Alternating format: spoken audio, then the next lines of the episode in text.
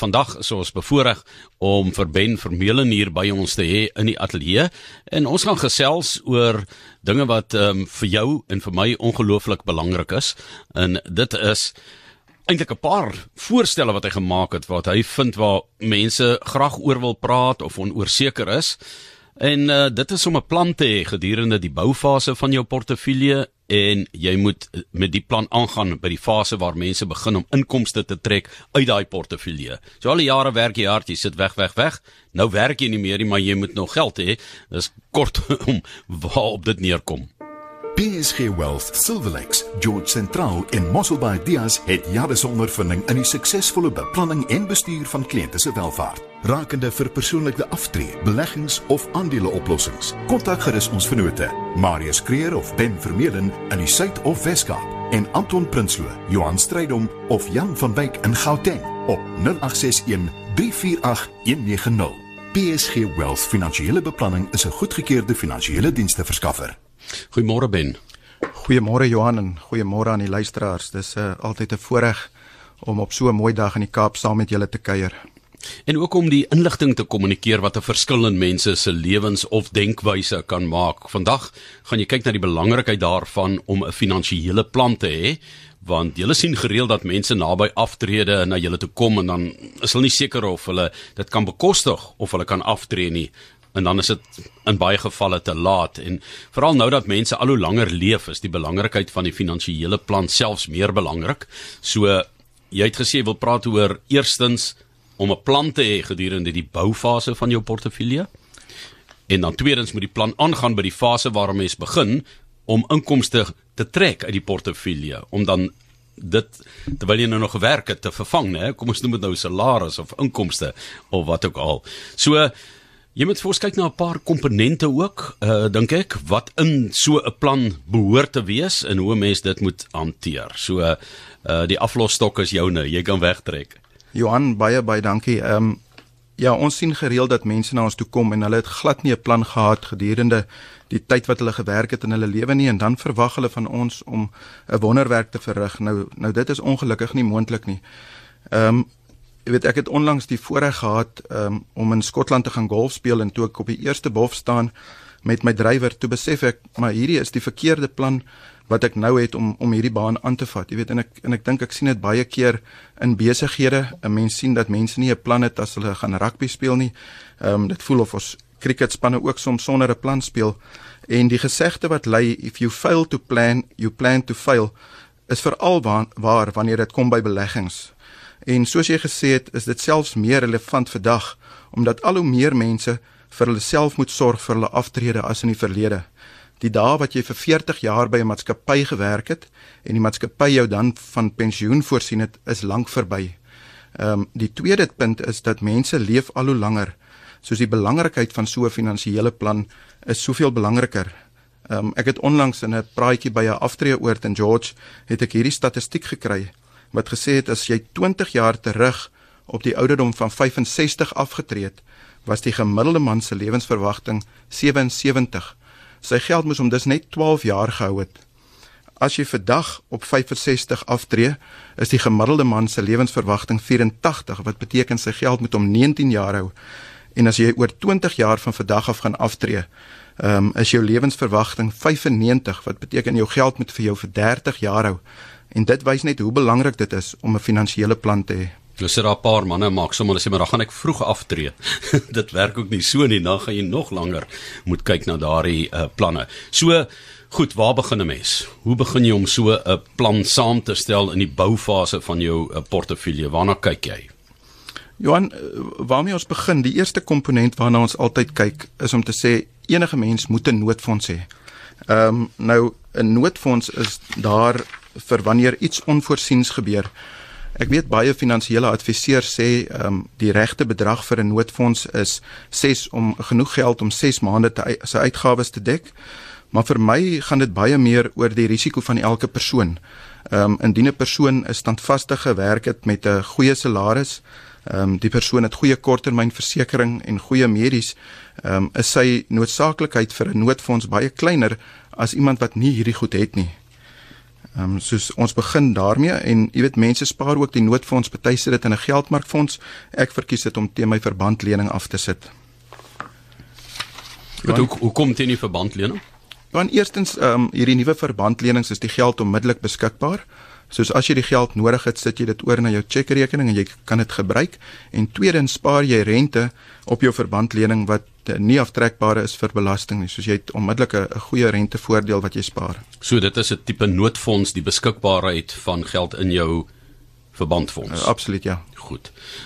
En ehm um, maar skuld bly 'n groot storie want jy het net nou gepraat oor die risiko's. Is nou maklik om 'n ideale model uit te werk, want soos jy sê het iemand byvoorbeeld dan glad nie 'n mediese fonds nie wat dan as daar 'n beenbreuk is of 'n siekte, ehm um, dalk iets soos kanker wat ontdek word en daai prosedure waardeur jy moet gaan kan baie duur wees, dan gaan jy in jou normale geld wat jy nou as ek sê normale, dit is jou alledaagse besteding, sal jy moet begin uh, gebruik ma van maak wat eintlik ook net so gestruktureer is dat jy nou nie daai ander goede kan betaal nie en dan raak dit 'n tamaletjie maar dan moet jy gaan vat uit jou geld uit uit jou kapitaal en dit plaas vir jou oor 5 of 6 of 7 jaar dan potensieel 'n baie groot probleme. Johan 100% reg. Ehm um, jy weet dit uh, kom meer by die versekeringskant ehm um, uit. Jy weet soos 'n mens kan jou verseker teen sekere risiko's. Ek bedoel uh, korttermynversekering gaan juist daaroor om jou te verseker teen sulke insidente. Ek bedoel as jy jou kar gesteel word en jy het nie versekerings nie, ehm um, kan so uitgawe vir jou 2-300 000 rand beloop en dit kan vir jou ver terugsit. Soos jy genoem het, jy weet 'n uh, mediese prosedure is steeds daar as dit vinnig dan loop dit tot 100 000 rand op. Ehm um, jy weet en as jy nie 'n mediese fonds het nie, ehm um, kan kan so uitgawe jou jou plan ver terugsit. Ehm um, soos soos versekerings is definitief belangrik. Jy het ook genoem dat ons ons altyd kyk na skuld. Ehm um, nou ek wil vir mense sê jy kan nie begin om geld te belê as jy baie skuld het nie. Ehm um, en dis veral duur skuld soos kredietkaarte en korttermynlenings waarna ons kyk wat eers afbetaal moet word. Ek weet dit klink vir sekere mense dalk verkeerd, maar ons onderskei ook tussen goeie en slegte skuld. Nou goeie skuld is byvoorbeeld skuld wat 'n mens aangaan om 'n tweede eiendom te koop wat jy kan verhuur. En hier is die rente op hierdie lening aftrekbaar teen die inkomstebelasting. Slegte skuld aan die ander kant is skuld op klere, kredietkaarte, kos. Ehm um, en die bevenig of die aanbeveling van enige finansiële plan sal wees om hierdie slegte skuld so gou as moontlik af te betaal en dan te begin spaar. Ehm um, dis my interessant wanneer jy praat van die Suid-Afrikaanse scenario want ons werk nou met Afrikaans sprekendes en Suid-Afrikaners wat luister na RSG in ons land, maar hierdie beginsels is maar vir enige plek in die wêreld van toepassing, né? Johan, ja, hierdie beginsels geld uh, in Suid-Afrika, maar dit geld ook wêreldwyd. Ehm um, jy weet skuld in die buiteland ofwel alhoewel rentekoerse heelwat laer is, ehm um, hou dit ook mense daar terug. Ehm um, 'n noodfonds is belangrik enige land in die wêreld, ehm um, en so ook al die ander komponente van die plan. Om met skuld natuurlik as jy nou hierdie Ethiopië uitgewerk het, maar nou sit jy met 'n ander rekening hier langs aan uh, met geweldig baie skuld. Uh, is dit belangrik soos jy ouer word en na jou aftreefase toe gaan en daai skuif maak van jy weet die afhanklikheid van jou beleggings dan en jy het nie meer 'n uh, inkomste nie om dan skuldvry te wees. Johan, dit is ek dink waarna enige mens streef om om die dag as hy af te tree geen skuld te hê nie, om 'n huis te hê wat totaal betaal is, om geen skuld op kredietkaarte oor te hê nie. Want as jy begin om paemente te betaal, um, uit jou kapitaal uit, dan word kapitaal baie baie vinnig opgevreet. Um, en daar's later vinnig niks van jou van jou uh, belegging oor nie. Nou hoe maak 'n mens voorsiening vir aftrede in beleggings? Wat is die ideale manier om dit te doen? Johan, die, die derde komponent van 'n goeie finansiële plan is waar ons vir die eerste keer begin kyk na die beleggingsgedeelte van die plan.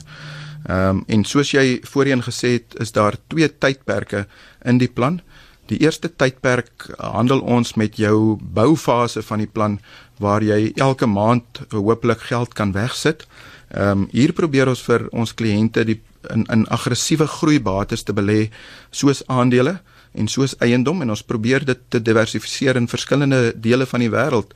Ehm um, Johan en dan is daar die die tweede fase waar mense begin trek uit hulle beleggings uit en waar hulle moet leef van die inkomste uit die beleggings uit En hierso sal ons normaalweg minder aggressief vir mense begin belê.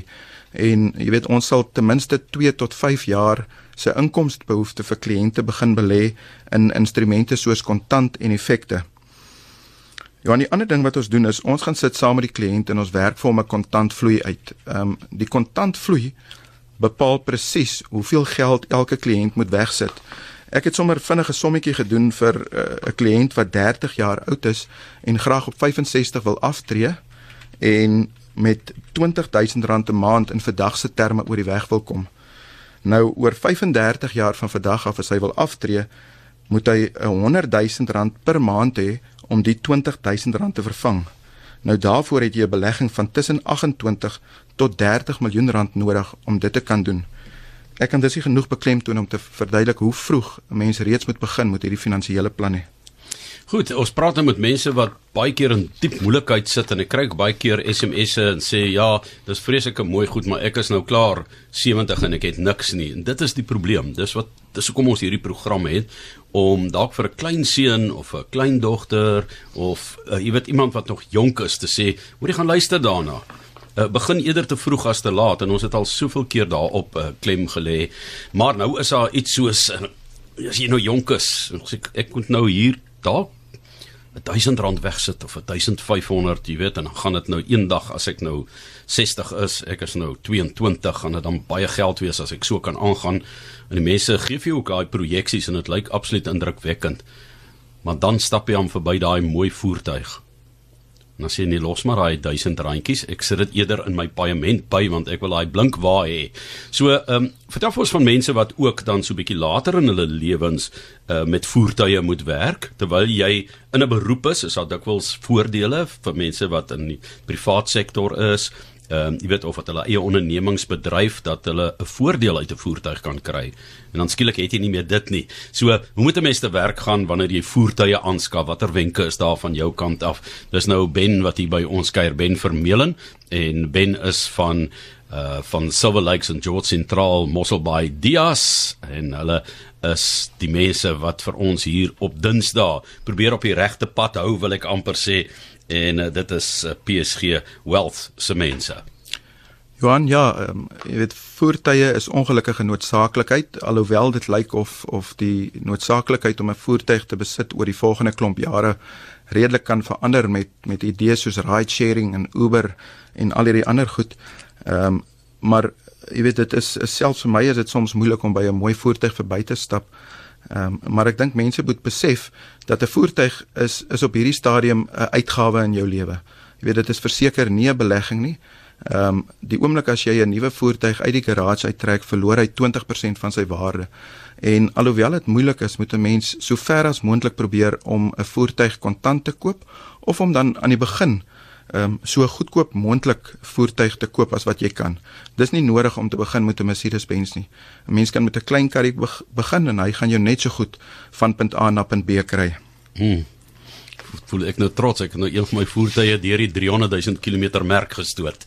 So ek man ek is ek is 'n goeie voorbeeld vir jou daar. Ja, maar as 'n mens met 'n voertuig werk nou ehm um, en mense het meer luukse voertuie, duurder voertuie, koop 'n mens daai voertuig net op jou naam of moet jy ook kyk of jy die voordeel kan kry van byvoorbeeld dit in 'n trust of 'n maatskappy um, of dan ten minste die belastingvoordele vir die gebruik daarvan verwerk um, ook te bekom. Johan hierdie hang af van persoon tot persoon. Uh, enige persoon wat 'n besigheid het, sal graag die voertuig binne in die besigheid hê, want sekere van die uitgawes is aftrekbaar vir belasting. Ehm um, ek dink nie eh, 'n uh, trust is ooit die regte voertuig om om 'n 'n kar of 'n of jy 'n bakkie in te koop nie.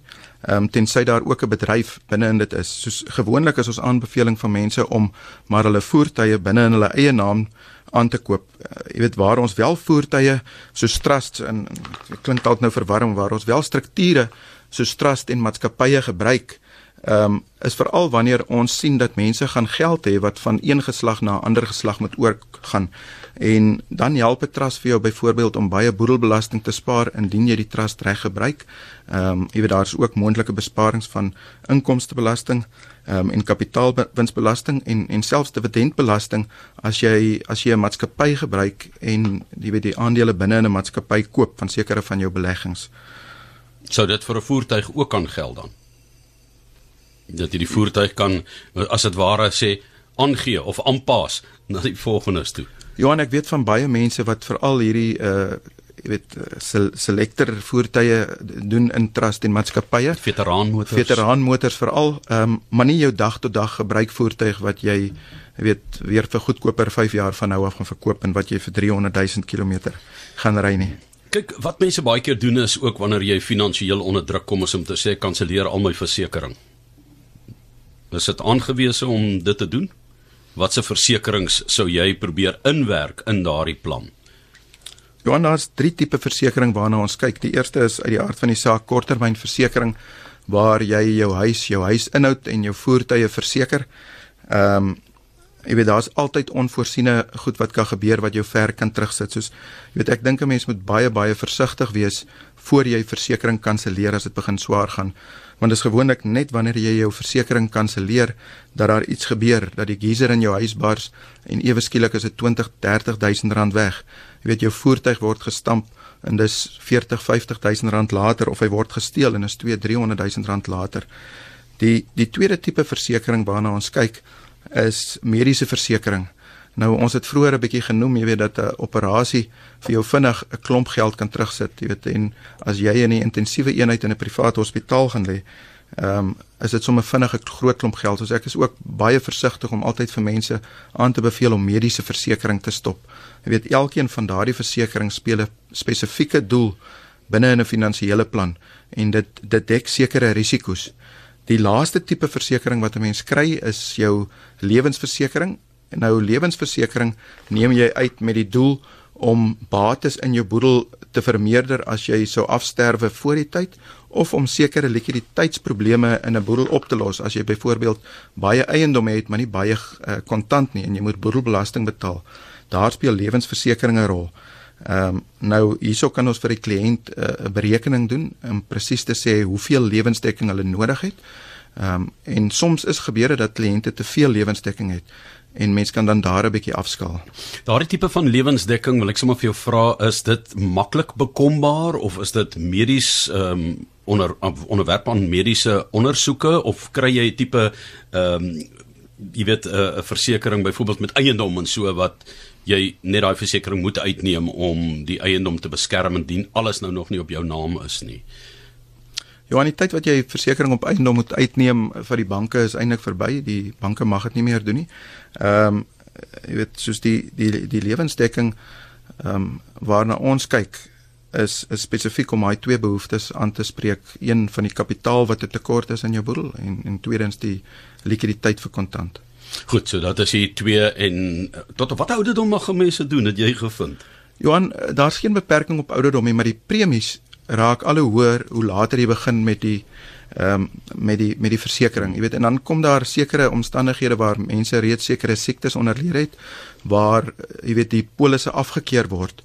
Ehm um, soos dit is goed om vroeg te begin wanneer jou premie redelik laag is om daardie versekerings uit te neem. Ben Vermeulen wat met ons gesels ben, jy weet ouer mense sê altyd ag man ek is niks meer werd nie, maar dit lyk my nie wanneer dit by versekerings kom nie. Dan is hulle die duurste, né? So kom ons skuif aan na ehm um, die boedel en testament want dit is iets waar mense eintlik mos nooit wil praat nie want dit is altyd so 'n einde wat jy wat jy aandui. Maar dit is so 'n belangrike ding want jy kan dit wat jy nalat in chaos omskep vir ander mense, né, as jy dit nie deurpraat en beplan nie.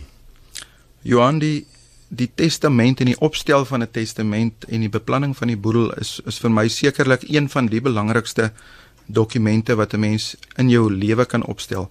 Jy weet dit help nie ons doen al hierdie beplanning vooraf en iemand gaan dood sonder 'n testament en dis totale chaos vir sy familie nie.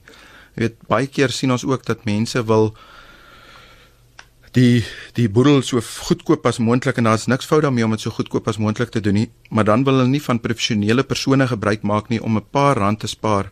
Nou die ongelukkigheid wat ons al gesien het, eh, jy weet, en die probleme wat veroorsaak word deur eh, so te doen is is net verskriklik. Jy weet, soos ek wil regtig vir mense aanbeveel, ehm um, kry professionele hulp wanneer jy jou testament opstel.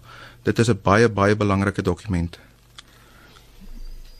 En nou skuif ons na die afsluiting van ons program hierso en dit is waar ons vandag gesels met Ben Vermeulen.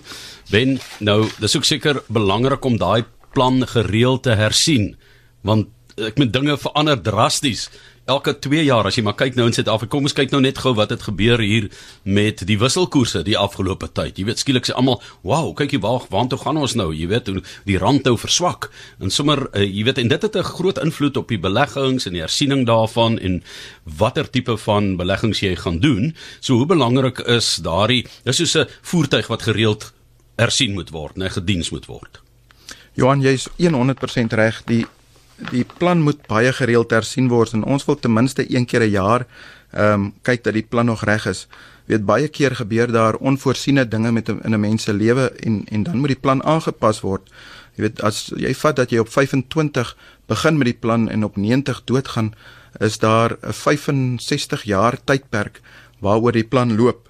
Ehm um, en in 65 jaar gebeur daar regtig baie goed. Nou sekere van hierdie goed is positief en sekere van die goed is negatief. Jy weet aan die positiewe kant gebeur dit dat mense 'n nuwe werk kry wat heelwat meer betaal en dan kan hulle baie meer voorsiening maak vir hulle aftrede. Jy weet dat mense kry ook erfporsies ehm um, wat maak dat hulle dalk vroeër kan aftree. Jy weet en dan is daar ook altyd die negatiewe goed wat gebeur met 'n mens.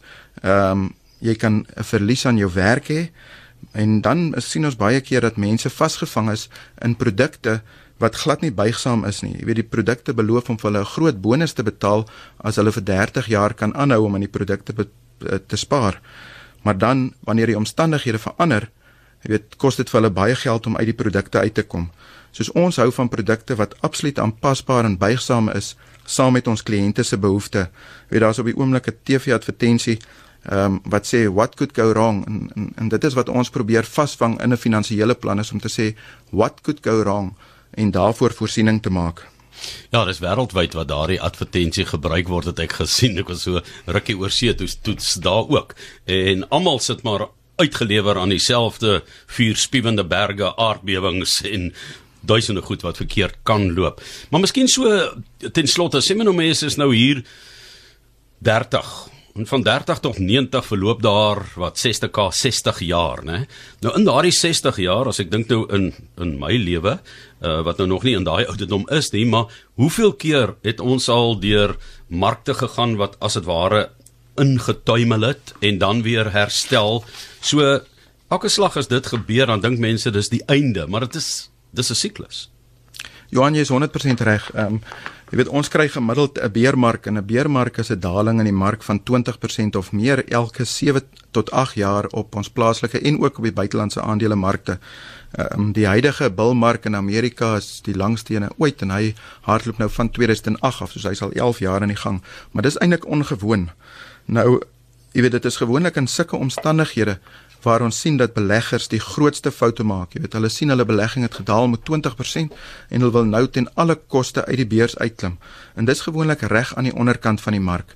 Jy weet, aan die ander kant sien ons weer dat uh, jy weet nou het hulle uitgeklim, nou begin die mark te styg en die mark het 20-25% gehardloop en nou wil mense weer teruggaan. Jy weet, soos ons uh, en dit is waar die belangrikheid van so 'n finansiële plan vir ons inkom. Jy weet as as ons kliënte die plan saam met ons opgestel het en hulle verstaan dit, dan hou dit vir hulle rustig deur hierdie onstuimige tye in die markte. En daai wil ek amper sê geldgrypers uh, wat nou uithaal met hulle geld uit daai beleggings uit, dikwels is hulle onder emosionele druk in die ouderdom in die fase ook en dan maak hulle geweldige groot foute deur te gaan na hierdie ponzi skemas en waar ons al soveel keer gehoor het waar die gras so groen is dat jy verdwaal daarin so hoog is dit en dis 'n ongelooflike gevaarlike tyd ook om met jou geld besluite te neem nê. Johan hierdie hierdie emosies waarvan jy praat is waarskynlik die mees gevaarlike ding wat 'n mens, eh, jy weet, aan jou finansiële plan kan doen en dit is so, jy weet, mense hou daarvan om dan 'n gewaarborgde opbrengs te kry en hulle hou van hierdie hoë rente gewaarborgde opbrengste van 15 tot 20%. Nou ek ek dink almal ken die spreekwoord as iets te goed is om waar te wees, dan is dit gewoonlik en jy weet hierdie ponzi skemas het dit nog altyd vir ons bewys. Ek weet nie van een wat weet oor die langtermyn kon gehou het nie en dit het al vir mense baie baie trane in die verlede besorg. Jy weet ek dink eh, dit is belangrik om om jou plan te verstaan en daarbey te hou. Mm, dis iemand wat sê baie goeie inligting. Dankie vir die program. Dis Ben Vermeulen wat by ons gekuier het ver oggend hier en hy is van Silver Lakes en George Central en Mosselbaai Ideas van PSG. Ben as mense hierdie gesprek met jou wil voortsit en verder wil praat want ek dink hele paar mense daar het nou alarmpies rooi liggies aangegaan oor hulle situasies, maar miskien ook is hulle jy weet baie goed uh jy weet in wat hulle het en wil hulle graag dit 'n bietjie verder voer ook. Dalk het jy nou net iets geprikkel waaroor hulle met jou wil gesels. So, ehm um, gee vir ons die kontak besonderhede asseblief. Johan, hulle kan vir ons skakel. Ons het 'n tolvrye nommer, ehm um, en daar is ek is maar een van 'n hele klompie adviseurs. Ons tolvrye nommer is 0861 348 190 of hulle kan vir my 'n e-pos stuur by ben.vermeulen@psg ben.co.za. Dis maklik. Uh, dit is ben.vermeulen by psg.co.za of anders net weer die tolvrye nommer. Johannes 0861 348 190